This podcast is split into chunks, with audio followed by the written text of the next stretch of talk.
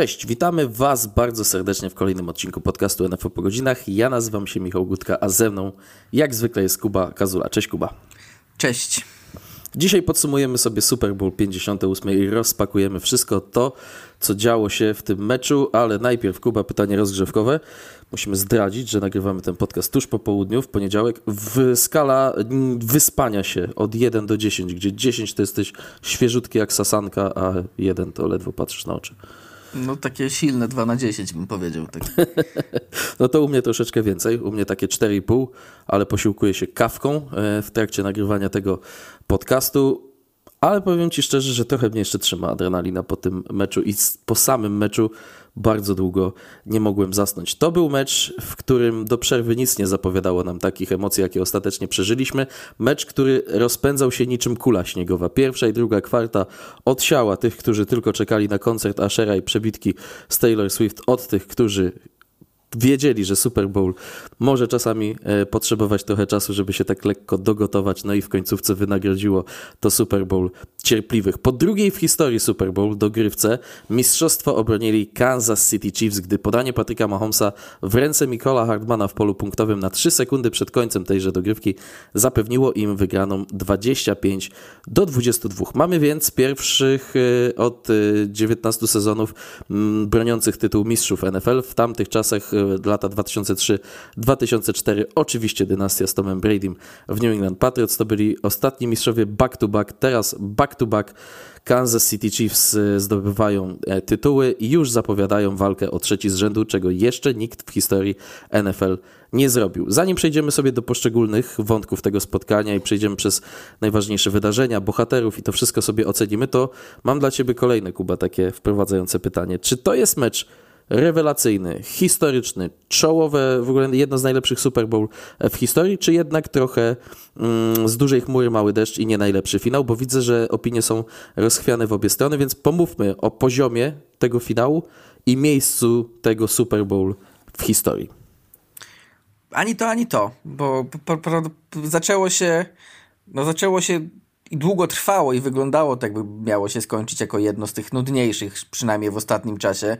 Prawdopodobnie byśmy tak uznali, gdyby na przykład, no gdyby, gdyby Chiefs nie przeprowadzili tego, tej ostatniej serii dobrze i nie wiem, Niners wygraliby 19-16 i tak by się to skończyło, to pewnie byśmy stwierdzili, że no no spoko, ale może było to lepsze od Patriots Rams, ale raczej od żadnego innego Super Bowl w ostatnim czasie. Natomiast e, dostarczyła ta końcówka, dostarczyła przede wszystkim pierwsza dogrywka, pierwsza dogry druga dogrywka, ale pierwsza dogrywka w historii, gdzie obie drużyny mogły mieć posiadanie i bardzo ładnie to wyszło, że tak powiem, bo no, widzieliśmy doskonale ile było z, z tego emocji, co też moim zdaniem kamyczek do ogródka dla Kyla Shanahana, jeden z wielu. Nie wiem dlaczego wziął piłkę jako pierwszy w tej dogrywce. To, A, będziemy sobie o tym rozmawiać, będziemy sobie o tym rozmawiać. E, bo no, jak pokazała sytuacja chwilę później miało to, e, miało to, miało to swoje wady albo i przewagę dla Chiefs. E, natomiast e, samo Super Bowl, no powiedziałbym, takie ostatecznie wyszło na, na średnie. Ustawiłbym gdzieś tak pewnie w połowie stawki, jakbyśmy mieli. Jakbym miał oceniać na przykład wszystkie Super Bowl, które oglądałem na żywo, bo wiadomo, że tworzenia to nie to samo.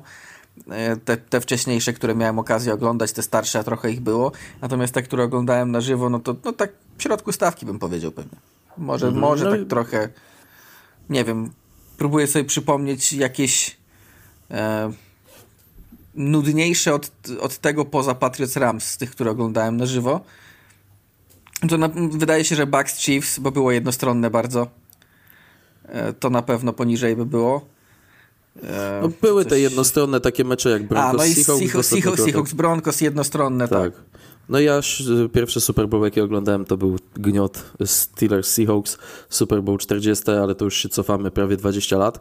E, ale hmm, jeśli o mnie chodzi, poziom może e, sam sportowy nie był najwyższy w tym finale, ale po meczu miałem wrażenie, że jednak obejrzeliśmy coś rewelacyjnego. Na pewno coś historycznego, bo tutaj miejsce w historii tego Super Bowl może być trochę wyżej niż miejsce na skali atrakcyjności tego widowiska, e, bo no chociażby fakt, że mamy dogrywkę drugą w historii, dogrywkę e, pierwszą w Super Bowl na tych już nowych zasadach, mamy obronione mistrzostwo przez Kansas City Chiefs, mamy mecz, który się tak bardzo dobrze rozkręcał z punktem kulminacyjnym właśnie w formie tej dogrywki. Mam wrażenie, że e, ta druga połowa mocno nadrobiła tę atrakcyjność meczu, ale wszystkie te powiązane ze sobą historie, e, ja bym uplasował je gdzieś wysoko mimo wszystko w tych latach, które ja oglądałem Super Bowl. Takie taki finał, który naprawdę trzymał cię na brzegu fotela przez cały czas. Mam wrażenie, że naprawdę tych emocji mm, można było znaleźć wiele w takich małych rzeczach, bo to, co mnie osobiście trochę zaskoczyło w tym Super Bowl, było bardzo dużo posiadań piłki.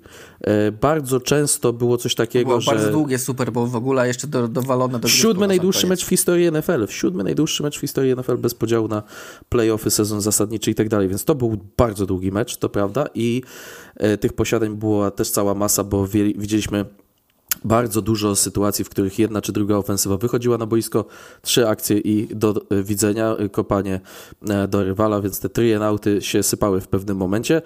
Ale koniec końców, jak przyszło co do czego, to Patrick Mahomes wziął drużynę za fraki i poprowadził ją do Super Bowl. Przejdziemy sobie przez te wszystkie punkty, no i zacznijmy od zwycięzców, bo to miał być sezon na zrzucenie Chiefs z tronu to miał być sezon, w którym nic nie wskazywało na to, że Chiefs nawet dojdą do tego Super Bowl. Gdybym ci Kuba powiedział po tym pamiętnym już do, meczu, do którego się wiele ludzi już odwołuje, meczu z Raiders w trakcie sezonu zasadniczego, chyba 3 czy 4 tygodnie przed końcem sezonu zasadniczego, Pamiętasz, o czym wtedy rozmawialiśmy? O fatalnej ofensywie, o stratach, o głupich błędach, które bodaj 6 sekund czy 9 sekund zeszło z zegara, a Raiders zdobyli dwa przyłożenia. Raiders, którzy nie musieli wykonywać celnego podania po przerwie tamtego meczu, żeby Chiefs pokonać. I gdybym po tamtym meczu ci powiedział z takim wielkim przekonaniem, że Chiefs spokojnie wrócą na szczyt, wygrają Super Bowl, to jak bardzo byłbym wiarygodny? To znaczy, no na pewno powiedziałbym, że nie wydaje się to prawdopodobne i nie jest to wielce prawdopodobne, ale powiedziałbym, że że może się to wydarzyć i wcale mnie to jakoś mocno nie zdziwi, bo yy, no, to już jest dynastia i ja już taką jedną dynastię widziałem, co w ten sposób Super Bowl wygrywała. Patriots 2018 to była bardzo podobna drużyna.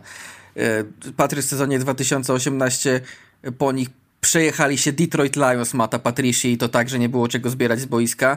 E, kilka tygodni później, kiedy wydawało się, że to, to było ok, chyba tam był, to był tydzień trzeci czy czwarty, no to wszyscy stwierdzili ok, to jest początek sezonu, drużyny tam Belicika i, i, tak, i tak dalej potrafią wolno zaczynać, ale potem się okazało, że w, w drugiej części sezonu to samo zrobili z nimi Titans i to nie ci Titans, którzy później później byli jedynką w playoffach i grali w playoffach regularnie, tylko jeszcze ci Titans uznawani za absolutnych średniaków, jeśli nie słabszą drużynę.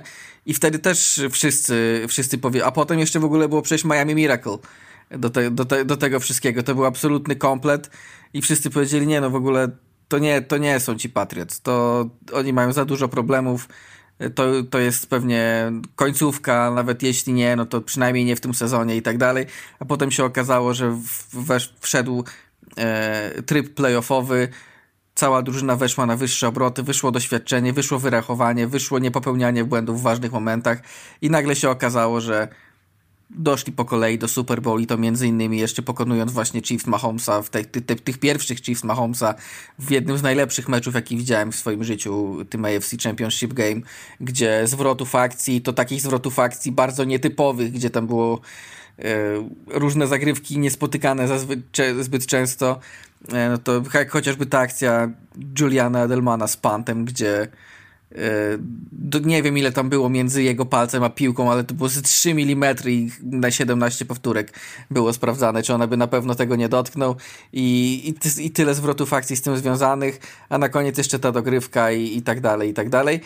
Mm, więc nie, zdziwi mnie, nie dziwiło mnie to, że Chiefs poszli podobną drogą, bo zresztą wygrywając to Super Bowl, wspominaliśmy o tym ostatnio, że wygrywając to Super Bowl zrobili dokładnie to samo, co zrobili Patriots w latach 2014-18, czyli w ciągu pięciu lat cztery razy doszli do Super Bowl i trzy razy je wygrali.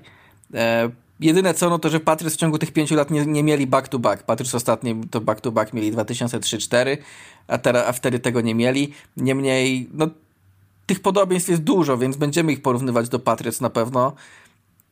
bo no, sam fakt, że to, to, o czym powiedziałem przed chwilą, że taki, taki run pięcioletni Patriots nie zdarzył się nigdy w historii ligi, a tu nagle a tu nagle wyskakuje, wyskakują od razu Chiefs i robią to samo. Zresztą wydaje mi się, że to może być, to jest powód, dla którego niektórzy mają chyba problem, żeby zacząć porównywać e, dynastię Chiefs z dynastią Patriots, bo myślę, że no, jak będą nadal tak grali, to też trzeba pamiętać, że Patriots po tych pierwszych trzech mistrzostwach potem nie zdobyli żadnego przez 10 lat.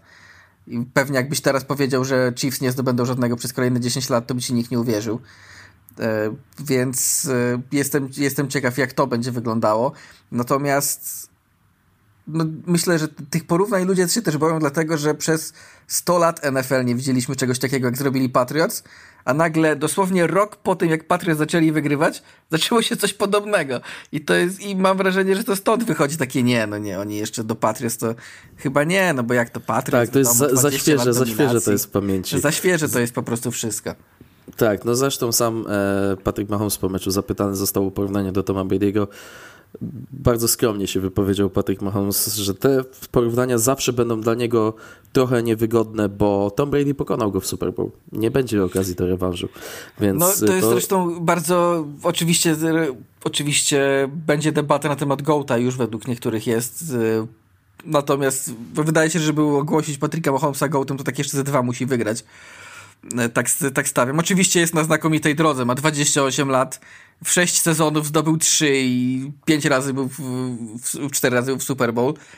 Więc no, jak w 6 sezonów jako starter oczywiście, bo ogólnie ma 7 sezonów, jeden przysiedział. Natomiast to na pewno jest na tej drodze, ale też bardzo, bardzo ciekawy, bardzo ciekawy y, punkt widzenia. Wiedziałem, że gdyby Mahomes zdobył 5, to te dwa różniące go z Bradym, to są te dwa, które z Bradym przegrał. Tak, jeden po drodze w tym finale konferencji. Jeden po drodze w tym finale, co wspomniałem, a drugi bezpośrednio w Super Bowl. Tak, no ale co do tego, y, dlaczego to była najtrudniejsza droga do Super Bowl tej dynastii, Przypomnijmy sobie, jak wyglądał sezon zasadniczy Chiefs, jak dużo kręciliśmy nosem na ich obronę. E, linia ofensywna była osłabiona nie tylko w tym finale brakiem Joe Tuneya, ale w ogóle przed tym sezonem została osłabiona e, odejściem chociażby Orlando Browna. To był też najgorszy zestaw skrzydłowych w karierze Patryka Mahomesa.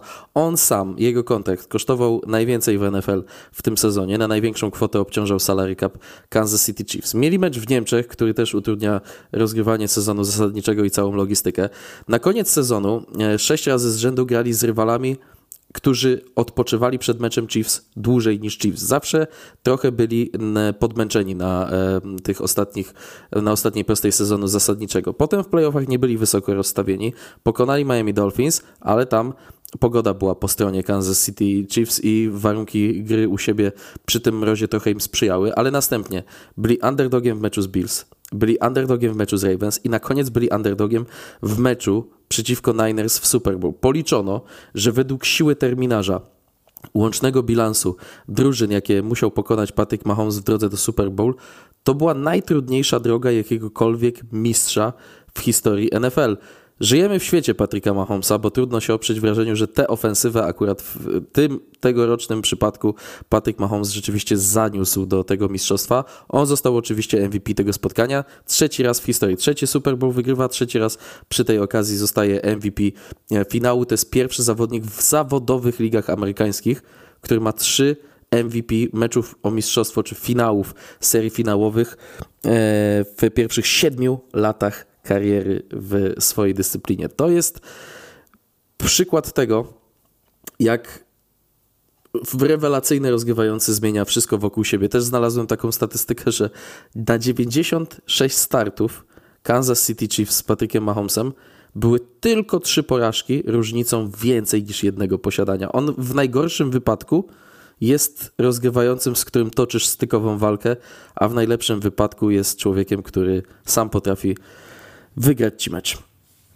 No zdecydowanie tak. W zasadzie jedyne, co do tej trudnej drogi, to jedyne, z czym bym to porównał, to chyba właśnie ci e, Bucks Brady'ego, bo oni tam mieli po drodze Saints Brisa, Packers Rogersa i Chiefs Mahomesa.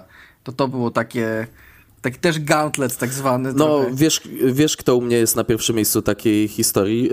Joe Flacco i ten jego magiczny, e, A, magiczny też, pościg za, za pierścieniem sezon 2012. Najpierw pokonani w pierwszej rundzie Colts z młodym Andrew Luckiem, więc powiedzmy, że jeszcze tutaj jakoś to poszło, ale później podwójna dogrywka mecz z Broncos i trzeba było pokonać e, Brady'ego na jego podwórku w finale AFC. A Broncos, a, a później Broncos Manninga. Broncos Manninga, a, a na koniec y, w Super Bowl y, ten zacięty mecz, czy końcówka zacięta meczu z 49ers Jima Harbaugh, więc myślę, że to bardzo podobne historie i też drużyny, no tamci Ravens mieli 10-6 bilans w sezonie zasadniczym, ci Chiefs 11-6, więc ja tutaj widzę trochę punktów y, wspólnych, jeśli chodzi o trudną drogę. No tak, różnica tylko, tylko taka, że że Ravens szli po pierwsze, przynajmniej w tej nowej, w tej nowej wersji Super Bowl, a Chiefs po prostu wyrachowaniem zdobyli kolejny. Tak jest. No tutaj rzeczywiście e, Patrickowi Mahomesowi, przed Patrickiem Mahomesem wypada się głęboko pokłonić. Pokroił tę strefową defensywę 49ers bardzo cierpliwą grą z im dłużej trwał ten mecz, tym miałeś wrażenie, że Patrick Mahomes czuje się pewniej i to też odróżnia Aczkolwiek wielkich. trzeba przyznać, że trochę pomogły mu kontuzje 49ers, bo tam w obronie tak. w pewnym momencie padali jeden po drugim i myślę, że zwracałem też na to uwagę na Twitterze, że ten no bardzo niedoceniana jest ta absolutnie dziwna kontuzja Dre Greenlawa, bo bez niego w środku e, no wyglądało to no gorzej, było więcej miejsca. Zresztą wystarczy zobaczyć, jak Greenlow gra w pierwszej kwarcie. On tak, był tak naładowany na każdej zagrywce, jakby, nie wiem, jak na przedtreningówce w PLFA 2, co najmniej. Ale, ale, e, ale no, bez niego był Fred Warner oczywiście, ale trochę koło niego zaczęło się robić miejsca i potem faktycznie tę strefową obronę rozrzucali, rozrzucali Chiefs, a potem jeszcze doszło do tego kolejne kontuzje. Oczywiście no, kontuzje są częścią sportu i Niners przez cały sezon byli całkiem zdrowi, szczególnie jak na siebie,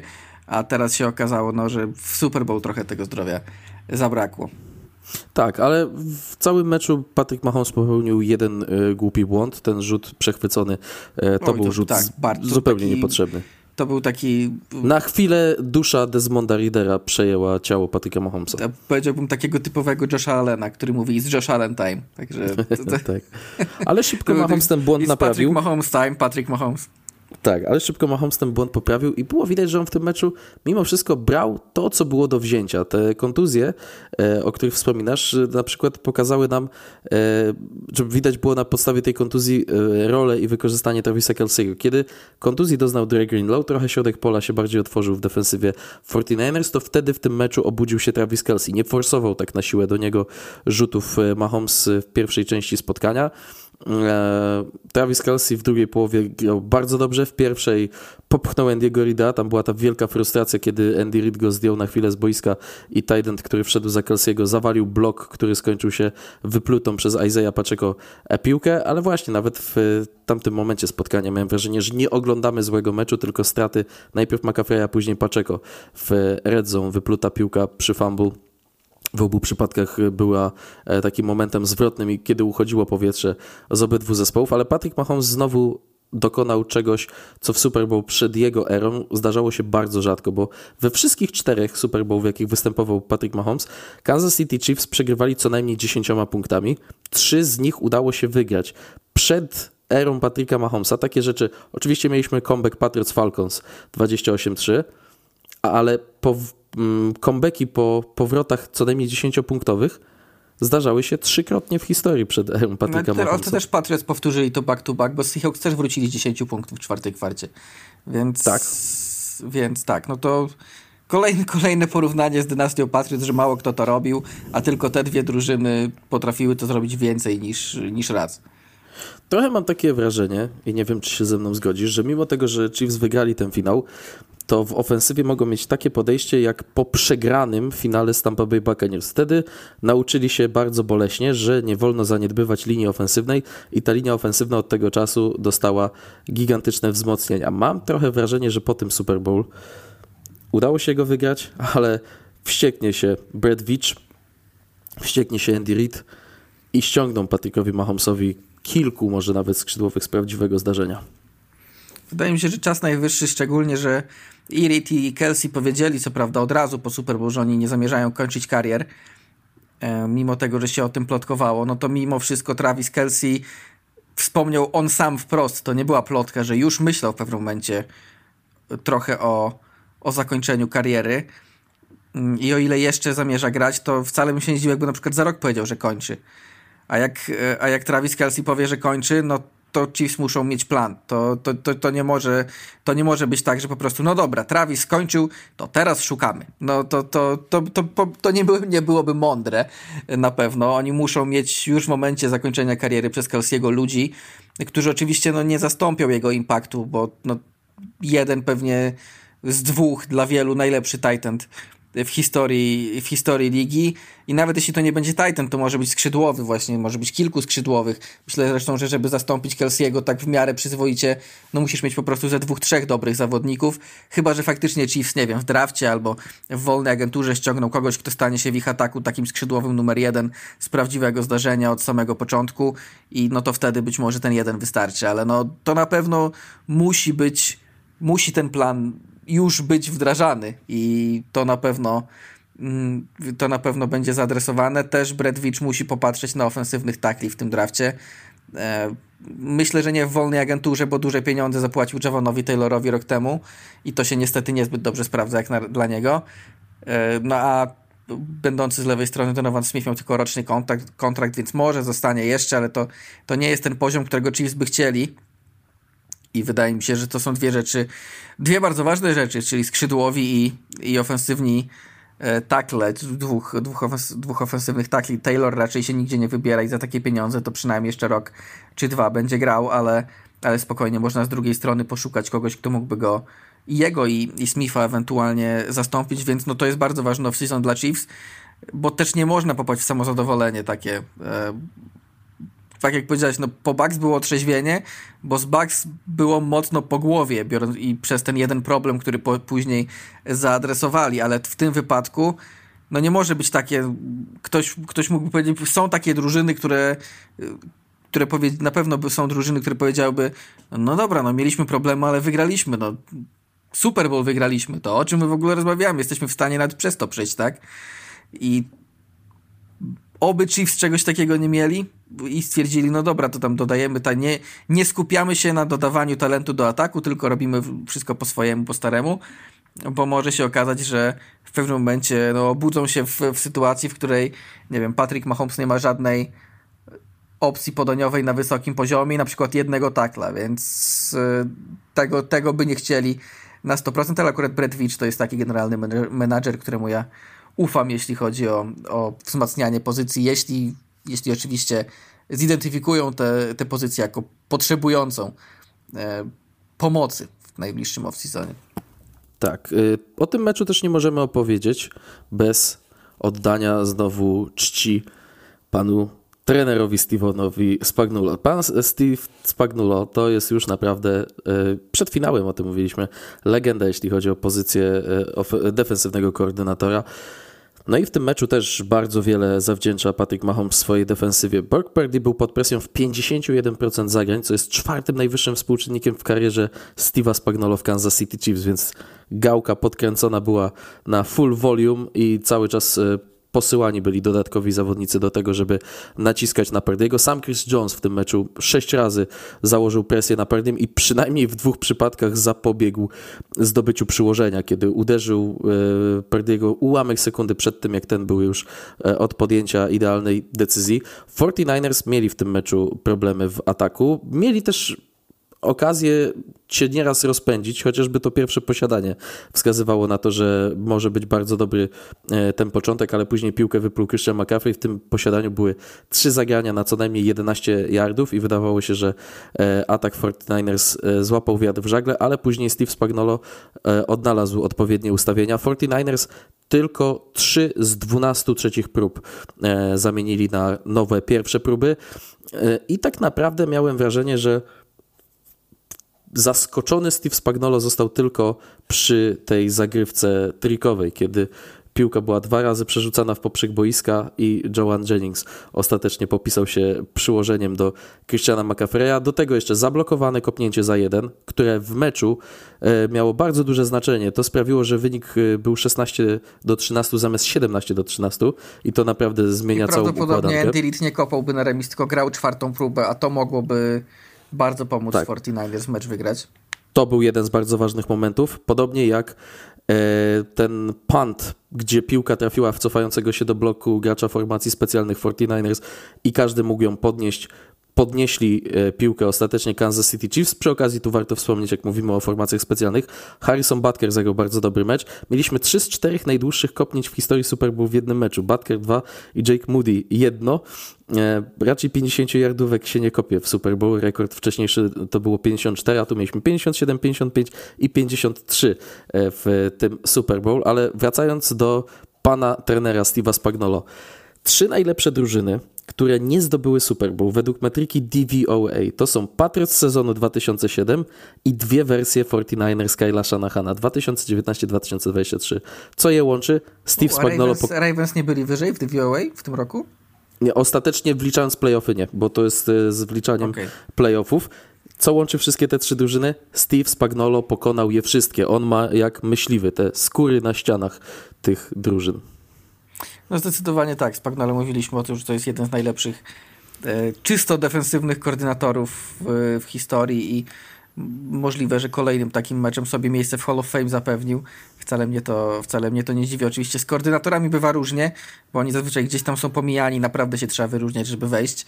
Dlatego no, miejmy nadzieję, że wejdzie, bo zasłużył. No, jego, skoro, skoro gameplany Billa Belichicka ze słynnych Super Bowl Giants są w Hall of Fame, no to gameplan Spagnolo z, chociażby z meczu z Patriots, czy może z tego nie, bo aż, chyba aż takim powerhouse'em ta ofensywa Niners nie była, ale chociażby z tego meczu z Patriots powinien być, może już jest, nawet, ale szczerze mówiąc nie wiem, e, bo coś na pewno z tego meczu tam jest w Hall of Fame, bo oni lubią w kanton sobie takie rzeczy wsadzać, nie wiem co jest konkretnie, ale jako fan Patriots kompletnie nie chcę wiedzieć.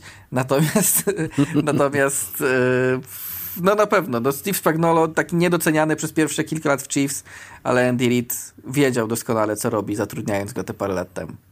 Tak, no naprawdę ta defensywa e, dała szansę ofensywie Kansas City Chiefs i taki moment zwrotny tego meczu to jest dla mnie właśnie ta sytuacja przy pancie, kiedy piłka odbija się od jednego z graczy 49ers e, w tak naprawdę uproszczeniu Kansas City Chiefs kopnęli piłkę sami do siebie na 50 kilka yardów i za chwilę zdobyli pierwsze w tamtym meczu przyłożenie, pierwsze prowadzenie, pierwsze przyłożenie i od tego czasu 49ers musieli już trochę bardziej improwizować, musieli gonić wynik, no i to była woda na młyn dla gameplanu Steve'a Spagnolo, bo zmuszeni byli podejmować większe ryzyko, częściej podawać San Francisco 49ers, no i Steve Spagnolo e, tę gałkę z blitzem wykręcił na maksimum i obejrzeliśmy to może nie jest jakiś historyczny występ defensywy, ale biorąc pod uwagę kontekst, duże e, liczby posiadań z obydwu stron.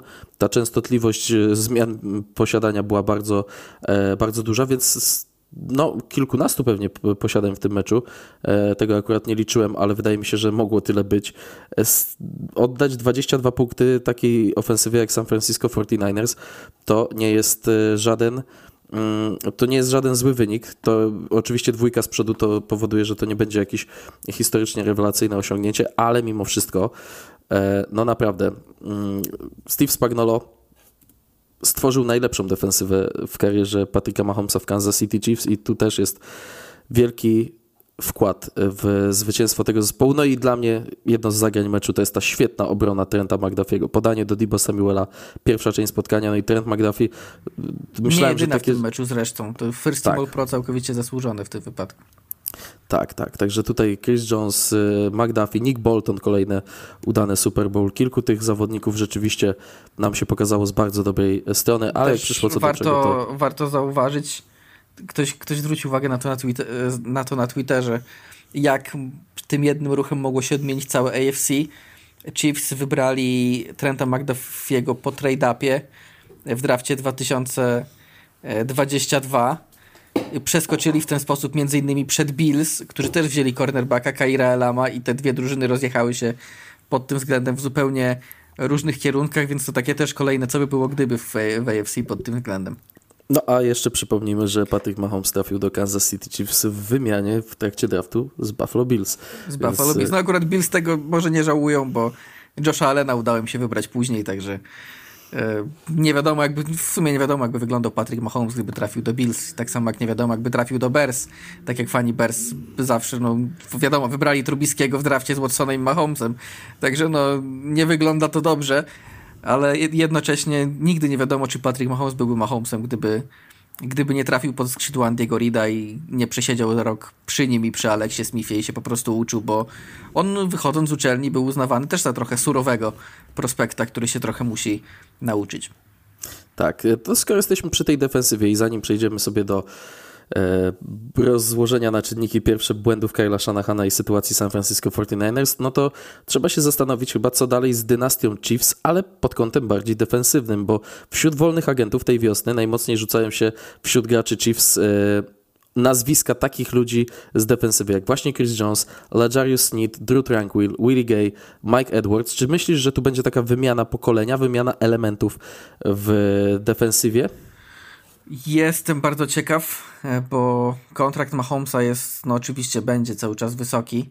E, ta obrona była bardzo mocna, ponieważ w ostatnich latach Chiefs trafiali w drafcie bardzo dobrze z defensywnymi wyborami i trzeba będzie zacząć niektórym z nich płacić. I no a to oznacza, że niektórym nie można będzie zapłacić i trzeba będzie trzeba będzie ich wypuścić. Zależy od kogo chodzi. Na przykład taki Mike Edwards wydaje mi się, że bardzo chętnie zostanie na jakiejś nawet zniżce, bo to on nie będzie miał jakiegoś super rynku i raczej nikt mu nie rzuci na stół wielkich pieniędzy, więc jak będzie miał wybór, nie wiem, dwa lata 14 milionów od drużyny ze środka stawki, a dwa lata, nie wiem, 11 milionów od Chiefs, to wcale się nie zdziwię, jak wybierze bramkę numer dwa i Chiefs na tym e, skorzystają. To jest no, kolejny kolejny pozytyw bycia dynastią, bo to w Patriots, Patriots mieli dokładnie to samo, jak, jak już będziemy ich tak porównywać, że no jeśli zawodnicy widzą, że ciągle jesteś na szczycie i co roku masz szansę wygrać, no to będą do ciebie przychodzić za mniejsze pieniądze, bo będą chcieli wygrać po prostu. Nie wiem, patrzymy na. Okej, okay, 49ers też się długo utrzymują na, na szczycie, ale na przykład Eagles czy Bengals po swoich występach w Super Bowl, no okej, okay, byli kontenderem, mieli być kontenderem, ale nikt nie jest pewny, czy na przykład nie stanie się z Eagles to, co się stało w tym roku. A z tymi Chiefs wiesz, że się coś takiego nie stanie, dopóki jestem Mahomes, dopóki jestem Reed, to nie będą walczyć o Super Bowl. Czy im się to uda, czy nie, to oczywiście inna kwestia, bo wiem, jak to jest z NFL, ale no na pewno będą w grze. Na pewno nie będzie tak, że nagle, oczywiście wyrzucając na bok kataklizmy pokroju kontuzji Patricka Mahomesa, nie będzie tak nagle, że Chiefs, nie wiem, do playoffów nie wejdą albo, albo w, wild, w rundzie dzikich kart zostaną przez kogoś rozgromieni tak, że aż będzie szkoda patrzeć. No, takich rzeczy nie będzie. E, więc to, to oczywiście ma sens, natomiast no, ja bardzo jestem ciekaw podejścia do Chrisa Jonesa i do właśnie Eljariusa Snida, Snead jest jednym z najlepszych kornerów w lidze w tej chwili. Jones jest oczywiście jednym z najlepszych defensywnych takli. Oni obaj mieli ogromny wpływ na, na, ten, na ten występ defensywy w tym meczu. No i teoretycznie pierwsze, co się nasuwa w takich sytuacjach, jak widzisz zawodnika e, tego pokroju, co oni dwaj, e, w, przed wolną agenturą, to pierwsze, co się rzuca w oczy, no to będzie franchise taki, pewnie na spokojnie sobie e, dogadają warunki dłuższej umowy Pierwszy problem jest taki, że jest ich dwóch, a franchise tak można w jednym off-seasonie dać tylko jeden. E, więc jeśli Chiefs, bo to oczywiście jest nadal możliwe, jeśli Chiefs się nie dogadają z którymś z nich na długoterminową umowę przed zakończeniem rozdawania, e, rozdawania tagów, to znaczy, że jeden z nich trafi na rynek i cokolwiek by się nie działo, wszystkie drużyny będą mogły z nim porozmawiać. I nigdy nie wiadomo. Niektórzy, niektórzy zawodnicy powiedzą, że ch chciałbym zostać w zwycięskiej drużynie, a niektórzy powiedzą, wiecie co, ja już z wami wygrałem dwa pierścienie, to ja pójdę tam, gdzie mi dadzą ładnych parę milionów więcej, bo czemu mam nie zarobić, jak kariera jest krótka, tak? I szczególnie Aljarius Smith, który jest, pamiętajmy, wyborem z dalszej rundy draftu. On wcale nie zarobił dużo w, na grze w NFL do tej pory. Oczywiście no, więcej niż przeciętny człowiek, ale to nie, to, nie, to nie są kontrakty po kilkanaście milionów rocznie jeszcze. On dopiero teraz powinien dostać taki kontrakt. E, dlatego różnie z tym może być. Myślę, że na pewno ci będą próbować i z jednym i z drugim. Nie jest tak, że jakoś mocno ich tam cap space będzie, mm, będzie ograniczał. Myślę, że dlatego przede wszystkim, że no wiedzą, że z Mahomesem, z Reedem, dopóki jest ten core, czyli Mahomes, Reed, Kelsey, to oni będą kopać te, te puszkę, jak często mówimy o tym, będą przesuwać te pieniądze, żeby utrzymać jak najmocniejszy skład, dopóki jest takie, e, dopóki jest takie zestawienie i będą próbować, tylko kwestia jest po prostu, czy jeśli nie uda im się dogadać ze Sneedem i z Jonesem do, do momentu wolnej agentury, to jak któryś z nich, bo nie wiadomo, który franchise taga mogą dostać w zasadzie obaj, to czy jak któryś z nich nie trafi na rynek, to po prostu nie, ktoś nie obrzuci go workiem pieniędzy i on nie stwierdzi, no fajnie było w Chiefs, ale no widzicie, jaka tu jest oferta i jakie tu są cyferki. Tak, no Eljaris Sneed, patrzę, e, debiutancka umowa, e, mu się kończy 4 lata, niecałe 4 miliony dolarów e, dostał jak do tej pory, a i tak trochę to podskoczyło, bo mówiliśmy, że ta no debiutancka umowa obowiązuje skala. Dostawał. Tak, debiutanckie umowy obowiązuje skala, ale e, Sneed przez dobre występy ta, ta skala, ta poprzeczka w tej skali, e, podłoga, podstawa e, Twoich zarobków się podnosi, więc on większość e, swoich zarobków, tych niecałych 4 milionów, skumulował w tym sezonie. Ale wydaje mi się, że tutaj kilka tych elementów może zostać wymienionych, a siły zostaną przerzucone finansowe na atak, bo wydaje mi się cały czas, że te bronie dla Patryka Mahomesa się pojawią. Prawie 24 miliony w salary cap mają Kansas City Chiefs nie tak mało, ale też wcale nie jakoś tak super dużo, żeby te drużynę bardzo przeobrazić. Zobaczymy, kto się tutaj ostanie. Ale czas najwyższy przejść w naszym podsumowaniu Super Bowl 58 do przegranych. Gratulujemy Kansas City Chiefs. Kansas City Chiefs utrzymują miejsce na tronie, a Kyle Shanahan na ten tron może tylko popatrzeć, kiedy przechodzi obok niego, a rozsiada się jego rywal z Super Bowl. Czy Kyle Shanahan, Kuba, to jest drugi Andy Reid? Guru ofensywny, bardzo dobry trener, ale kiepsko zarządza zegarem, kiepsko zarządza końcówkami meczów i w tych najważniejszych meczach przegrywa. Ten Andy Reid sprzed pracy z Patykiem Mahomesem dokładnie taką miał reputację. Trochę tak, trochę tak i myślę, że no nie można odmówić geniuszu Kailowi Shanahanowi, ale nie można też stwierdzić, że to wszystko był przypadek i on miał pecha w tych e, swoich sytuacjach, bo naprawdę dużo błędów jest po jego stronie również w tych kluczowych momentach. Ja Druga dogrywka w historii Super Bowl. W obu uczestniczył Shanahan. Wszystkie trzy Super Bowl jako koordynator i trener główny to roztrwonione prowadzenia. Tu musi być jakaś blizna na umyśle, na, musi na być, psychice. plus niestety są te decyzje Kyla Shanahana. Ja zacznę od tego wzięcia w piłki w dogrywce, bo tutaj widzę, że w międzyczasie Deringer wrzucił tekst i ktoś wyciągnął z niego screeny i to no, nie, nie wygląda to dobrze dla Kyla Shanahana i dla ewentualnego przygotowania. Zaraz powiem o co chodzi, ale no mhm. przede wszystkim, kiedy, kiedy mówimy o, o, ty, o, tym, o tym wzięciu piłki w dogrywce, pierwsze co się nasuwa, chcesz grać jako drugi. Chcesz wiedzieć, co musisz zrobić, żeby mecz wygrać. Przykład. Chiefs w dogrywce w swojej serii ofensywnej mieli 4-1 do przejścia. Wiedzieli, że muszą to przejść. Przepraszam, i to przeszli. Gdyby to oni zaczynali z piłką, to 4-1 byłoby kopnięte na 100%. I nie byłoby punktów Chiefs i wtedy Niners przejęliby piłkę i mieliby szansę wygrać mecz nawet field golem. No, on Dlatego... twierdzi, że chciał mieć to trzecie posiadanie, że spodziewał się, że obie drużyny mogą zdobyć punkty w pierwszych posiadaniach. Lepiej mieć trzecie posiadanie, bo wtedy już jest nagła śmierć. Możesz to jest, wygrać. Po, pogrąża, pogrąża się trochę Kyle, ale szczególnie, że zaraz powiem, nie, miał, nie miałby trzeciego posiadania tak czy siak, przynajmniej według tego, co mówią zawodnicy Chiefs. A o czym mówię? E, Chiefs e, w, w artykule dla Ringera, i to nie są plotki, bo to są cytaty, które dziennikarze Ringera spytali po meczu zawodników z obydwu zespołów. No i tak, Justin Reed powiedział Ringerowi, że e, Chiefs pierwszy raz te nowe zasady dogrywkowe omawiali już w trakcie training campu. E, Chris Jones powiedział, że przygotowywali się na, na, zasadzie, a co jeśli dojdziemy do Super Bowl i będzie właśnie ta pierwszy raz taka dogrywka. No i powiedział, że Jones powiedział, że gadali o tym przez dwa tygodnie. E, między, oczywiście tak w międzyczasie gdzieś, że że jeśli będziemy mieli okazję, jeśli wygramy losowanie, to oddamy, to oddamy piłkę drużynie przeciwnej. Potem ona nam, yy, potem, i potem przejmujemy ją, zdobywamy przyłożenie i jeśli, będzie, jeśli drużyna przeciwna też zdobędzie przyłożenie, to my gramy za dwa. I, i, i, że, i że próbowali taki, taki plan. Mieli taki plan wdrożony w razie gdyby był potrzebny. To jest jedna rzecz, natomiast szokująca jest druga strona, ponieważ o to samo zostali zapytani zawodnicy 49ers I Ari Kamstead powiedział, że dowiedział się, na czym polega nowa dogrywka z telebimu w trakcie meczu. Uuu. Juszczyk powiedział, że założył z góry, że 49ers wzięli piłkę dlatego, bo myślał, że gra się tak jak w regularnym sezonie i tam załatwi sprawę. Więc no, to jest to jest potężny kamyczek do ogródka Kyla To są jak twoi zawodnicy dowody obciążające wiedzieć... oskarżonego cały sztab, mocno. Cały sztab. Okej, okay, no zawodnicy, ktoś może powiedzieć, dlaczego zawodnicy nie znają zasad ligi, w której grają? Okej, okay, ale od tego jest sztab. To, co powiedzieli Reed i Jones po stronie Chiefs, oni nie, oni nie gadali sobie o tej dogrywce sami z siebie na obozie. Oni gadali dlatego, bo trenerzy im o tym mówili. I tutaj powinno być to samo. Jeśli twój zawodnik nie wie, gra dogrywkę w Super Bowl i nie wie, jakie są zasady, Ech, no cóż, to jeden z wielu kamyczków do ogródka Kyla Shanahana.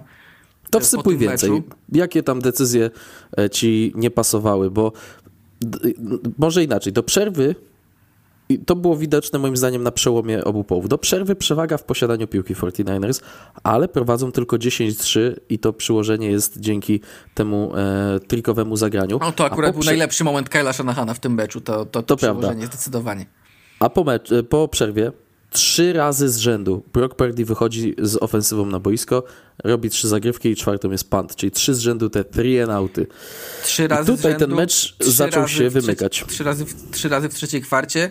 W tym czasie, mając prowadzenie, Christian McCaffrey pobiegł z piłką raz. Dlaczego? Dlaczego Kyle Shanahan nie lubi biegać? E, Dlaczego drużyny przeciwko Chiefs, którzy, którzy przeciętnie bronili biegów w tych playoffach, przestają biegać? To jest. E, znaczy, widziałem, że Ted Nguyen z The Athletic, który zajmuje się taktycznymi sprawami, bardzo to. Znaczy, to, to, to przekonujmy ten argument. Na zasadzie, że wiesz, że po drugiej stronie masz Mahomesa, więc musisz po prostu wbić ten sztylet w serce, bo inaczej on wróci ci w tym meczu. Więc próbujesz za wszelką cenę powiększać przewagę górą. Ma to sens, no ale jeśli widzisz, że dwa razy three się zrobiło, bo to, to górą nie wychodzi, to zacznijmy trochę tym dołem, chociaż spróbujmy. Shanahan wrócił do biegania McCaffreyem w czwartej kwarcie, wyglądało to całkiem dobrze. Więc tu plus dla niego, no, że do tego wrócił. Dogrywce, nie tak jak w dogrywce przecież praktycznie to y, posiadanie... Cały drive to były biegi, tak? Tak, 13 zagrań, no 66 i... yardów, ostatecznie kopnięcie, ale tam Christian McCaffrey dostawał głównie piłkę. No właśnie. No to jest plus w porównaniu do chociażby Toda Monkena z Ravens, który nigdy do tego nie wrócił i po prostu pozostawił to tak jak było i, i, i Chiefs sobie z tym poradzili spokojnie. E, no to zdecydowanie ta druga połowa. No Kyle Shanahan nie potrafi zarządzać takimi ty, tymi końcówkami. To jest tak, taki trochę przykład ofensywnego geniusza, ale też, który ma problemy z zarządzaniem. Przy, przy Benie Johnsonie w e, ofensywnym koordynatorze Detroit Lions pojawił się cytat po tym, jak on zrezygnował e, z, funkcji, z ubiegania się o, o, pozycję, o pozycję head coacha w tym sezonie, że, że on, on się nie rwie tak bardzo, ponieważ źródła, które są tam w Lions i tak dalej, mają wrażenie, że to jest właśnie taki ten mad scientist, ten taki obłąkany geniusz, że on się zamyka w pokoju na jakiś czas sam wychodzi z jakimś absolutnie chorym gameplanem, który, który niszczy defensywy przeciwnika, ale gdyby on miał być tym, który zarządza timeoutami, tym co gramy, tym, tym, tym czy gramy, co robimy, ten game management tak zwany w całości, to to już by mu średnio pasowało i to może być jeden z powodów, dla którego on jeszcze nie chce tak bardzo być head coachem. I mam wrażenie, że przy Kylu Shanahanie i kiedyś w Andy Reedzie, to, to, to, to, to wspomniałeś, też takie rzeczy wychodziły. Andy Reid był, był znany z tego, że kompletnie nie umiał zarządzać timeoutami, że albo brał kiedy nie trzeba, albo nie brał kiedy trzeba, czas mu w ogóle poleciał, nikt nie wie co się wydarzyło i nie starczyło czasu, żeby odrobić straty, na przykład. To, to, było, to było regularne w czasach Andy'ego Reida z tej pierwszej dekady e, XXI wieku może Kyle Shanahan potrzebuje zatrudnić kogoś, kto się będzie zajmował tylko tym. Mają drużyny takich ludzi, którzy okej, okay, oczywiście na co dzień mają inną funkcję, ale w trakcie meczu jego rolą jest wyłącznie game management i podpowiadanie head coachowi, co warto byłoby w tej sytuacji zrobić. Czy właśnie na przykład wziąć timeout. To wygląda, to brzmi trochę absurdalnie, szczególnie jak ktoś na przykład dużo gra w Madena. No, Ask Madden. Bo w Ask Madenie się uczysz takich rzeczy. Po to właśnie. Tak, ale w Madenie się uczysz takich rzeczy. Jak funkcjonuje, po kilku meczach, w których zabraknie ci czasu na to, żeby odrobić straty, zaczynasz się łapać, hmm, może warto to by było Wspominał chyba o tym Nate Tice, I... którego tutaj często przywołujemy z The Athletic. On mówił, że sam e, grając dużo w Madena się nauczył takich rzeczy, bo on w kilku sztabach w NFL pracował, ale co więcej, całe to pokolenie tych gości poniżej 40, którzy pracują po różnych sztabach, e, zna takie rzeczy z Madena, kiedy wziąć czas, kiedy wziąć jakąś zagrywkę, jak e, zarządzać zegarem pod kątem doboru kiedy ten zegar musisz spalać, a kiedy oszczędzać czas, że jednak ten Madden zawsze ludziom polecam. Jak chcecie się wkręcić w NFL, poznać zasady i tak dalej, przebieg meczu, Madden jest naprawdę bardzo bardzo łatwo. rzecz. Wielu trenerów NFL mówi, że od tego zaczynało poznawać Tak. systemy. No, zagrywki. wielu trenerów mówi, to bo jest- przecież Madden ci daje opcję stworzenia własnego playbooka. W opcjach później możesz sobie nim grać. Nie musisz grać playbookiem Chiefs, kiedy wybierasz Chiefs y, w grze. Możesz sobie stworzyć swój playbook i y, byli ludzie, którzy mówili, że trenerzy tworzyli te playbooki w Madenie i wysyłali swoim zawodnikom, że sobie zagraj w Madena, wyślę ci nasz playbook, poznasz te zagrywki po prostu z padem w dłoni. Tak, a jeszcze do tego Madden się przez lata tak dostosował, e, że nie jest tak, że masz randomowe e, różne takie klasyczne zagrywki, ale każda drużyna ma właśnie dostosowany playbook pod siebie. I na przykład jak w sobie, nie wiem, włączysz Patriots, to będziesz grał playbookiem, jakim, jakim mają Patriots, czyli beznadziejnym ostatnio, ale nie, nie, nie w tym jest cała sprawa. Jak włączysz, jak, jak włączysz sobie mecz Ravens, no powiedzmy, jak włączysz sobie mecz Patriots, a potem włączysz sobie mecz Ravens, to nagle patrzysz, ile tu jest w ogóle biegów rozgrywającego z góry zaplanowanych. Co druga akcja, tam Tak. coach suggestions teraz to się nazywa, a nie, nie tyle ask, coach suggestions. Co, co druga akcja sugerują mi, żebym biegał rozgrywającym. I po, wszystko, jest po, wszystko jest po prostu do- dostosowane pod, pod drużyny, pod personel i tak dalej. Więc y, można się bardzo dużo nauczyć w Madenie. Jeśli lubicie grać i chcecie poznać futbol, lepszej opcji nie będzie. Może się to faktycznie na początku trochę wygląda Zostaniesz to w dogrywce. to Czy to był czasem. błąd, że 49ers kopali? To było 9 chyba yardów do pola punktowego. W sumie widzę, widzę argumenty za dwiema opcjami. Z jednej strony kopiesz, no bo to nie była łatwa czwarta próba. To nie był jeden yard, ani nic takiego, więc kopiesz i chcesz mieć punkty i wierzysz swojej obronie, która potrafiła zatrzymywać przeciwnika w tym meczu.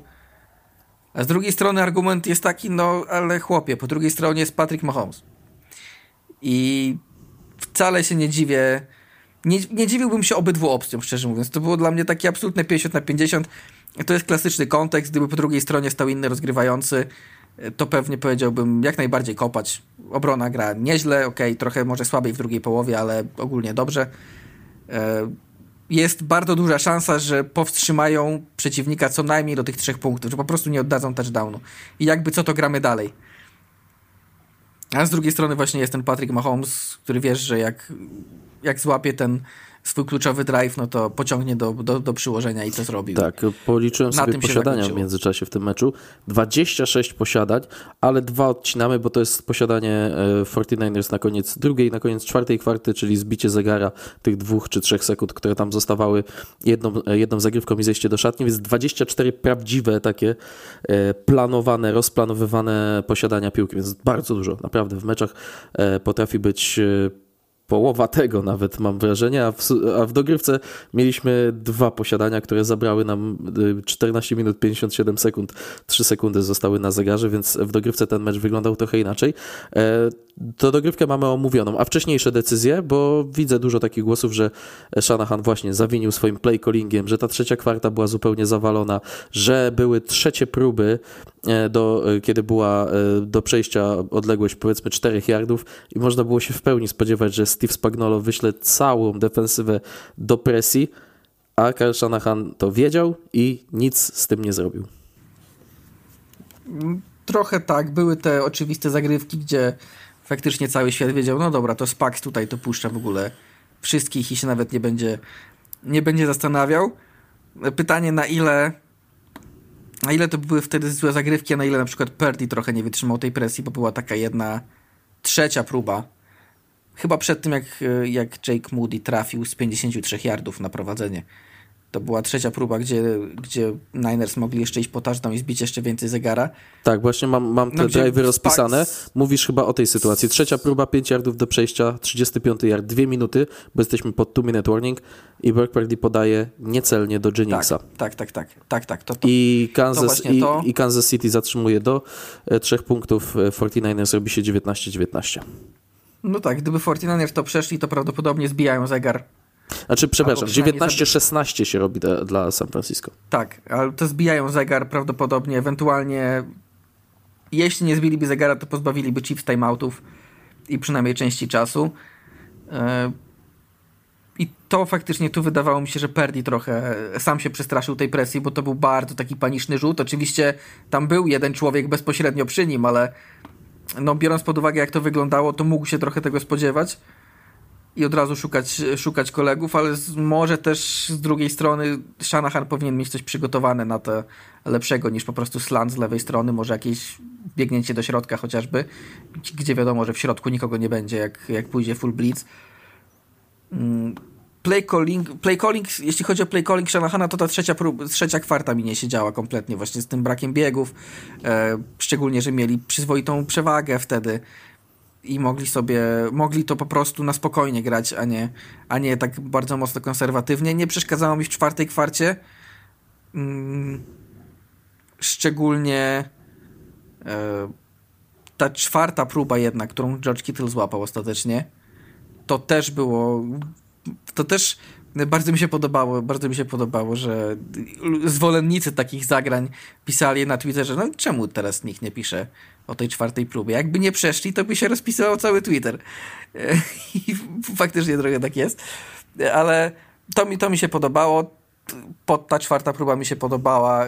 Generalnie później w końcówce wyglądało to dobrze ze strony Niners. Nie jakoś wybitnie playcallingowo, ale dobrze. Tylko ich problem polegał na tym, że już weszli wtedy w tę fazę strzelaniny z Patrykiem Mahomesem, a na strzelaninie z Patrykiem Mahomesem nie możesz grać dobrze, żeby wygrać, bo to troszkę za mało. Patrzę sobie na to, jak się układał początek trzeciej kwarty. Piłkę mają Kansas City Chiefs. Oni yy, doszli w ogóle do głosu, zdobywając pierwsze swoje e, punkty na 20 sekund przed końcem pierwszej połowy. Jest 10-3 do przerwy. Chiefs są yy, na tablicy wyników pierwszy raz w tym meczu. Po przerwie dostają piłkę i najpierw yy, Paczeko wypluwa piłkę na 12-yardową stratę. W następnym podaniu Mahomes rzuca głupi przechwyt i masz wrażenie, że za chwilę Chiefs się posypią. I wychodzą na boisko 49ers. Kara, cofnięcie o 5 yardów przy pierwszej próbie, potem niecelny rzut, za krótki bieg Perdiego, odkopujemy piłkę. Za chwilę piłka wraca w ręce Broka Perdiego, trzy niecelne rzuty i schodzimy z boiska. Potem, no to jest to, zdecy to zdecydowanie. I potem trzecie z tych z rzędu y, zakończonych szybko posiadań. McCaffrey, na, y, McCaffrey środkiem na y, zysk żaden, na 0 yardów, dwa niecelne podania i znowu punt. Czyli masz 9 zagrywek, 8 razy rzucasz. Tak, no pod tym względem, no szczególnie po tym przechwycie, no jeśli przyjmujesz piłkę na połowie przeciwnika, ani prawie, czy, nie wiem, na którym miarcie to było? tuż za, tak, 44 Kansas City, czyli 6 za połową. Jeszcze przed połową, okej, okay. jeszcze tak. E, no to jeśli nie robisz nic z tego, no to niestety. To, to tak, takie rzeczy trzeba wykorzystywać. Już oczywiście pomijam ten największy swing w tym meczu, czyli fumble w, po pancie, bo no do, do, do tego Shanahan nie mógł przewidzieć. To też nawet trudno nazwać jakimś... No to nie był też błąd łapiącego, bo ta piłka odbiła się od nogi jednego z jego kolegów i on musiał to łapać. No to dużo tutaj pecha. Jeśli można mówić jakikolwiek, często o zagrywkach, o których mówimy, że są pechowe, to jak jest na nie spojrzysz, to wychodzi na to, że ktoś po prostu był w tej zagrywce za słaby albo popełnił błąd, a trudno to wtedy mówić o pechu. Tutaj, no jednak znaczna większość pecha. Oczywiście jakiś doświadczony trener special teamów powie, że ten zawodnik, któremu się piłka od nogi odbiła, nie powinien być na drodze piłki w ogóle i nie powinien się dać zblokować w tę stronę. No ale jednak mimo wszystko to i tak jest pech, no bo to no mogło się odbić całkowicie inaczej, tak? Mogła się ta piłka odbić też tak, że od jego nogi wpadłaby w ręce returnera i wszystko byłoby, wszystko byłoby w jak najlepszym, w jak najlepszym porządku. No to tu to było faktycznie bardzo dużo pecha 49ers, no ale trzeba przyznać, że oni w trakcie tych playoffów mieli też sporo szczęścia, więc yy, tak no los, los dał, los zabrał. Los dał helmet catch od, od, od, od kasku obrońcy Lions w ręce Brandona Ejuka który w sumie bardzo podobny swing, bo i tam dzięki temu zdobyli kilkadziesiąt yardów, a tutaj dzięki temu Chiefs zdobyli kilkadziesiąt yardów pod same pole, pod samo pole punktowe, więc e, no generalnie do, do Kyla Shanahana mam zarzut z dogrywką, mam zarzut z tą trzecią kwartą niewykorzystaną, którą spokojnie mogli wykorzystać, gdyby grali tak jak w czwartej. I to są takie dwie największe, dwie, dwa największe kamyczki, które się troszkę niestety nazbierały przez te jego wszystkie Super Bowl bo jednak no w każdym, jeśli w, w, trzech Super Bowl jako play caller, no bo raz był ofensywnym koordynatorem, dwa razy head coachem, w każdym z nich prowadzisz 10 punktami w pewnym momencie i w każdym z nich przegrywasz.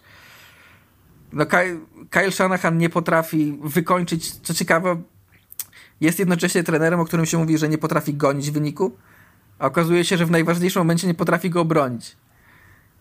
I no, no nie jest to dobry zestaw. To nie jest dobry zestaw, naprawdę. I no myślę, że dopóki Kyle Shanahan nie zdobędzie Super Bowl, to ta łatka od niego się nie odklei, bo nie może się odkleić e, po kilku takich występach. To samo było z Andy Reidem, dopóki nie wygrał pierwszego Super Bowl z Kansas City Chiefs.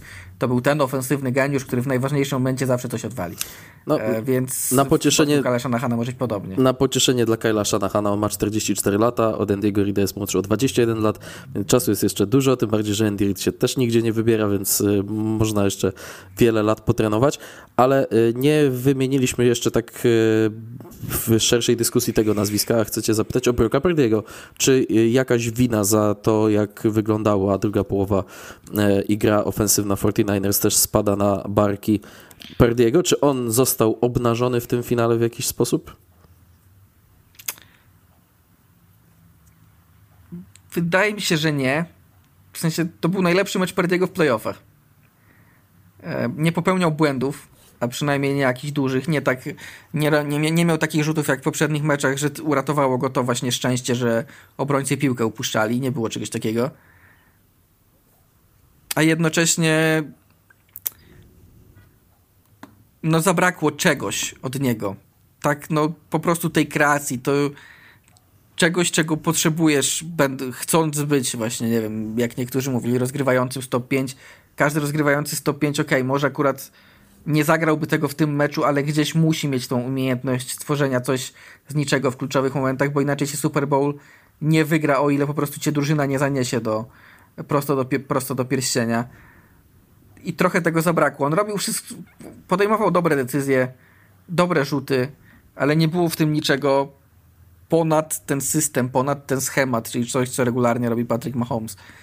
Dlatego no, tu jest ten problem największy e, dla Kyla Shanahana, że to wszystko jest, wszystko to jest jego system, wszystko to są trybiki w tym systemie i jak system działa idealnie, no to znakomicie i potrafią rozwalcować każdego, tylko że system zawsze kiedyś przestanie działać choć na chwilę. I coś pasowałoby wtedy mieć spoza tego systemu. A jednak z takim rozgrywającym jak Perdi, który jest bardzo dobrym rozgrywającym, to nie jest Jimmy Garoppolo, tylko naprawdę Perdi jest, jest coraz lepszy i się rozwija. No to mimo wszystko pasowałoby mieć jeszcze coś więcej. I to jest właśnie, będzie ta debata na temat Broka Perdiego. Oczywiście się ciągnęła, na ile on jest wytworem Shanahana i na ile jest własnym bytem. I to się będzie ciągnęło i będzie dopóki któryś z nich nie zniknie z 49ers, mam wrażenie. A może kiedyś nastąpi taki moment. Ale wydaje mi się, że to jest taka kwestia. Widziałem, ktoś bardzo ładnie to określił, że, że, że dyskurs Perdiego jest taki, że jedni, jedni koniecznie chcą przekonać, że on jest rozgrywającym z top 5, inni chcą przekonać, że on jest rozgrywającym spoza top 20, a realia są takie, że on jest rozgrywającym top 10, top 15 i, i tyle. Tak. Ja nie wiem, szczerze mówiąc, wydaje mi się, że gdy zobaczymy, jak będziemy tworzyć rankingi nasze, wydaje mi się, że gdybym tworzył teraz, to miałbym go idealnie na przełomie top 10. Ja pewnie tak, podobnie. Tylko nie wiem, czym właśnie, nie wiem, czy by się zmieścił, czy byłby, nie wiem, dziewiąty, dziesiąty, czy jednak jedenasty, więc mhm. zobaczymy, jak będziemy je Zobaczymy, jak będziemy je tworzyć. Tak, no ja tutaj Broka Purdy'ego jakoś specjalnie bym za ten mecz nie winił, e, unikał tej presji, na ile A najmniej winiłbym Kotorowskiego. Tak jest, najmniej winiłbym Kotorowskiego, ale Brock Purdy umiejętnie unikał tej presji. Mimo wszystko ta presja, tak jak powiedziałem, była przy ponad 51% zagrywek. Brock Purdy rzucał 38 razy w tym meczu i został ssakowany tylko jeden raz, ale E, Trzeba mu oddać bardzo ładny ten jeden rzut pod presją do Christiana McAfreya, mhm. który zrobił dużą zagrywkę i punkty tak. w czwartej kwarcie. Tak. E, to tak, to miał te momenty, tak jak to, co wspomniałem, co mogło nawet może zakończyć mecz z tą trzecią próbą, gdzie się trochę chyba przestraszył Blica i, i spanikował przy tym rzucie do Jenningsa, ale, ale poza tym radził sobie całkiem nieźle. Jawan Jennings to y, potencjalny nawet MVP tego meczu, gdyby 49ers... No, to musiałby być MVP, chociaż... Złapał, złapał przyłożenie miał... i rzucił przyłożenie. E, pierwszy i jedyny obok Nika Folsa, taki zawodnik w historii Super Bowl. Tak jest. No myślę, że to byłby Super Bowl MVP taki nietypowy. Szkoda jego trochę, bo za... ludzie mam wrażenie przez wynik tego meczu trochę zapomną o, tej, o tym ładnym przyłożeniu. Tak, widziałem fajny, widziałem fajny tweet Richa Eisena, on mówi, ja ze względu na pracę w NFL Network nie mogę się bawić w bookmacherkę, ale tak z ciekawości, jaki był kurs, że pierwszy touchdown rzuci Joan Jennings? No był, był, widziałem, widziałem ten kurs, gdzie się przewinął. Po pierwsze zdziwiłem się, że w ogóle można było na to postawić, że tak. to będzie Joan Jennings. Chyba, że to było coś na zasadzie other, czyli poza listą albo coś takiego. No ale na Joana Jenningsa było 1 do 250 tysięcy, jakby sobie ktoś postawił, że że to on pierwszy rzut, bo ja nie wiem, czy on miał jakiś rzut w NFL do tej pory. Zaraz to, do, zaraz to znajdę. Czas. No, nie słuchaj, zawsze... Sobie, znaczy, przypominam sobie zmyłki Shanahana, ale nie przypominam sobie, żeby to Jennings rzucał. No, rzucał Więc... na przykład y, przecież y, McCaffrey bardzo często w takiej McCaffrey sytuacji. McCaffrey rzucał, tak. Zaraz znajdziemy, czy Joan Jennings no, coś rzucał. No 1, 1 do 250 tysięcy, natomiast jakby ktoś postawił, że w tym samym meczu Jennings zaliczy przyłożenie podaniowe i odbierające, to myślę, że spokojnie mógłby już z pracy zrezygnować i, i do końca życia leżeć do góry brzuchem. Patrzę, patrzę, patrzę. Nie. Nie rzucał wcześniej. No właśnie, więc to nie był przypadek chociażby, nie wiem, Juliana Edelmana, przy którym już po którymś razie wiedzieliśmy, że okej, okay, to Edelman to może rzucić. E, czy, czy paru innych zawodników, którzy robią to regularnie, na przykład Derrick Henry teraz, bo już też ma kilka podań na przyłożenie w swojej karierze, co prawda trochę inne, nie takie typowo zmyłkowe z odrzuceniem do tyłu, tylko on po prostu jest tym wildcatem, który nagle, nagle rzuca piłkę, ale, no ale mimo wszystko jest i Henry, kiedyś Edelman, właśnie paru innych zawodników, no ale tutaj no, nie dość, że to jest Jennings, czyli zawodnik nie z pierwszego szeregu, to jeszcze był schowany przez cały ten czas. Oczywiście, oczywiście jak ktoś nie wiedział, to od razu się okazało, że był rozgrywającym w liceum. To klasyk w przypadku zawodników rzucających piłki przy zmyłkach. E, I, I wyszło to fantastycznie. To był naprawdę to zdecydowanie najlepszy moment Shanahana. Warto też podkreślić Jenningsa. Widać było po tym, jak się ta akcja rozegrała, że odrzucenie piłki do McAfee nie było pierwszą opcją w tej akcji. On na początku szukał George'a Kittla dalej, ale George tak. Kittle był podwojony o, w ogóle i on wrócił George do McAfreya, więc to było bardzo dobre rozegranie w, jego wypadku. O, George Kittle w ogóle będzie mocno zawiedziony tym Super Bowl. Dwa złapane podania na cztery yardy, kontuzja barku w samej końcówce. Jeszcze kontuzja na sam koniec. Tak, był bardzo, bardzo mało istotnym elementem e, ofensywy San Francisco 49ers w tym meczu. George Kittle, jego mi trochę szkoda. E, no ale cóż, koniec końców e, ze swoimi traumami będzie się musiał uporać teraz Kyle Shanahan. Czwarty raz w historii NFL jeden trener pokonuje drugiego drugi raz, kiedy spotykają się e, ponownie w Super Bowl. Lata 1976 i 79 Chuck Noll pokonywał dwa razy Toma Landry'ego, e, czyli Pittsburgh Steelers pokonywali Dallas Cowboys. Lata 93-94 to Jimmy Johnson z Dallas Cowboys dwukrotnie pokonują Marva Levi'a e, i jego Buffalo Bills. Lata 2008 i 2012 Kuba Zatkaj uszy, Tom Coughlin dwa razy pokonuje Billa Belichicka i 2020-2024 Andy Reid w rewanżu jeszcze raz pokonuje Kyla Shanahana. No i tak to Super Bowl się właśnie nam rozstrzygnęło. Ja jestem zadowolony po tym finale, naprawdę był dla mnie bardzo emocjonujący i właśnie podobało mi się to takie narastanie napięcia w tym meczu. E, dużo osób gdzieś w trakcie spotkania do mnie pisało gdzieś na, e, w trakcie koncertu Ashera, że a, średnie to super, bo jakoś, jakoś niespecjalnie, nie, coś tam sąsiedzie nie odpala, no ale te złośliwości później e, zostały wynagrodzone. To jeszcze na koniec koncert, ocena. Znaczy, wydaje mi się, że nie, nie do, niedopasowanie artysty trochę do, do, do, do momentu, bo ile Asher talent ma taneczny przede wszystkim, bo to, to mu trzeba oddać i to zawsze było jego cechą charakterystyczną. O tyle poza słynnym je, to nie wiem, czy jego piosenki pasują do halftime show po prostu. To takie, no, mówiąc, mówiąc kolokwialnie, pościelówy trochę, no. Tak. I zresztą widziałem żarty, że jeśli młodzi ludzie yy, jeśli młodzi ludzie nie wiedzą, co to są za piosenki w tej chwili, yy, to zapytajcie swoich rodziców, prawdopodobnie byliście przy nich poczęci. Także więc y, no to nie, nie pasował, po prostu nie pasował trochę repertuar. repertuar. Na plus Alicia Keys, bo ja bardzo lubię Alicia Keys, więc tutaj to na plus. No ale no nie, nie zdecydowanie nie będzie to w panteonie najlepszych halftime show e, w historii. No nie, zapamiętam jeżdżenie na wrotkach i tyle. Z, tak, tego, tak. Z, tego, z tego koncertu. Oczywiście ktoś już widziałem przyporządkował fragment z Family Guy'a, gdzie Peter jeździ i śpiewa na wrotkach, także na wszystko jest fragment w amerykańskich kreskówkach. Tak, jak... pomijając fakt, że Simpsonowie wszystko przewidują, to Właśnie. jeszcze można sobie Family Guy'a dopasować. Jak nie przewidywania South Park Simpsonów. pewnie też pod, South Park pewnie też w pewnym momencie coś robił, więc... Tak, tak, tak. No mi się ten koncert średnio podobał, ale ja akurat jestem z tych, których koncert zazwyczaj średnio obchodzi w Super Bowl, chociaż w ostatnich latach no, na bingo naszego kolegi Grześka, którego serdecznie tutaj pozdrawiamy, zawsze już chyba będzie stałym punktem. Koncert spoko, ale tych raperów z 2022 to nie przebiją. I ja się tutaj podpisuję pod tym punktem bingo i chętnie go będę odhaczał co roku. Serdecznie Grześka pozdrawiamy. Jeżeli ktoś skreślał bingo, to proszę dać znać, jak wam tam, jak wam tam poszło. No i cóż, dobrnęliśmy do końca sezonu 2023. Na koniec, na koniec ci mogę podać statystykę, że Patrick Mahomes już wygrał w swojej karierze więcej meczów w playoffach niż Peyton Manning.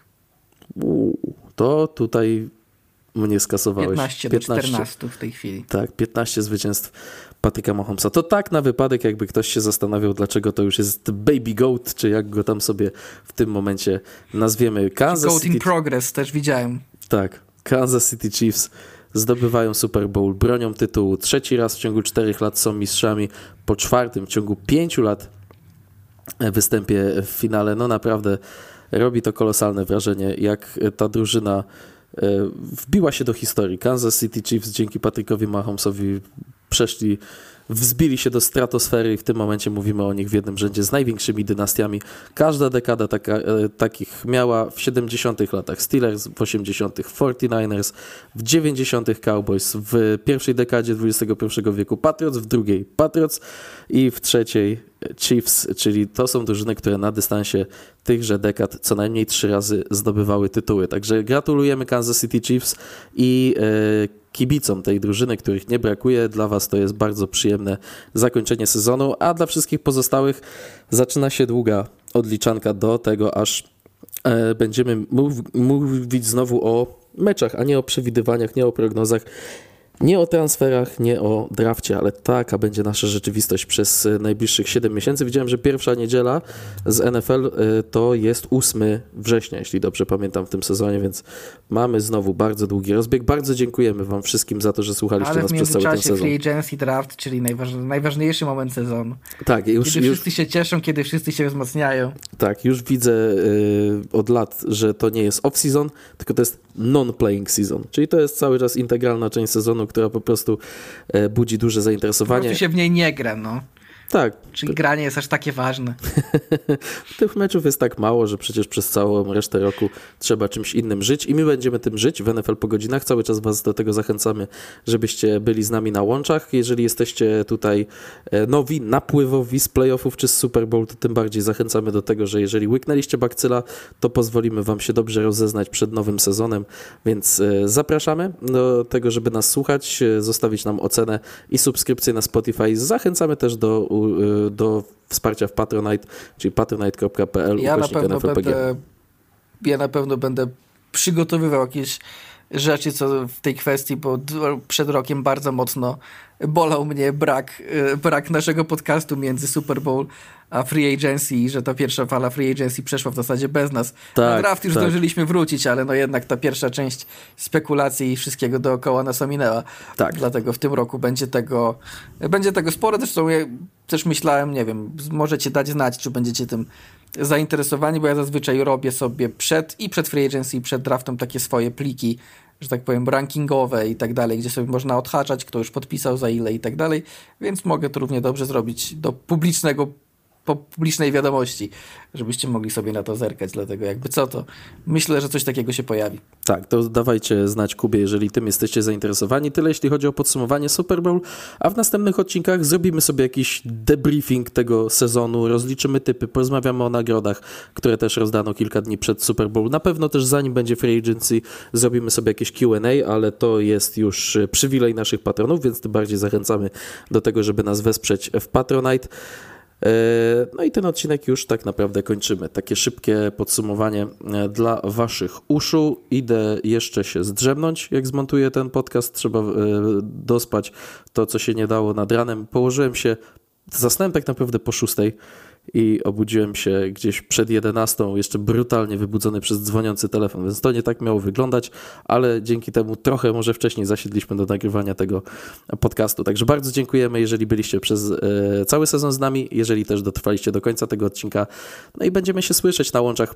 Podejrzewamy, co jeszcze warto wspomnieć na końcu, że taka cykliczność, jaka była w sezonie zasadniczym, mówię tu o konkretnych dniach, że zazwyczaj to był wtorek, najpóźniej środa rano, jak te podcasty lądowała, niekoniecznie będzie w off-season zachowana ale będziemy się do Was regularnie odzywać. Tutaj trochę będziemy już. No na pewno, jak się coś, jak się coś będzie działo, czyli właśnie free agency czy draft, to wtedy może nawet dwa razy w tygodniu, jak, Pewnie. jak, jak będzie free agency, jak będą napływać te pierwsze, te pierwsze i kolejne umowy. Po drafcie, draft się kończy w sobotę, więc też to nie musi być wtorek, tylko może być niedziela, poniedziałek na przykład. Otóż to, otóż to, więc, więc będziemy sobie to wszystko zobaczymy. łapać. Będziemy sobie to wszystko łapać. Teraz y, wchodzimy w taki no, krótki mimo wszystko okres flauty, bo za miesiąc już rusza e, cała karuzela z wolnymi agentami, więc przez moment A jak sobie... ktoś lubi jeszcze, jak, jak ktoś lubi jeszcze oglądać, jak młode dzieciaki y, biegają w shortach, to kombajn za chwilę, także...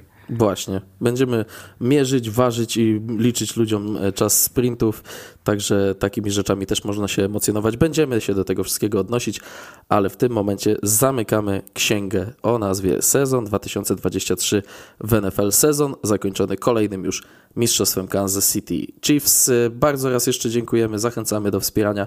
Słyszymy się na dniach, nie damy o sobie zapomnieć, mimo tego, że NFL, przynajmniej jeśli chodzi o kwestie boiskowe, zapada w sen na 7 miesięcy. Kłaniamy się bardzo nisko, życzymy Wam miłego tygodnia, no i zachęcamy do dyskusji też pod tym podcastem. Cześć, do usłyszenia.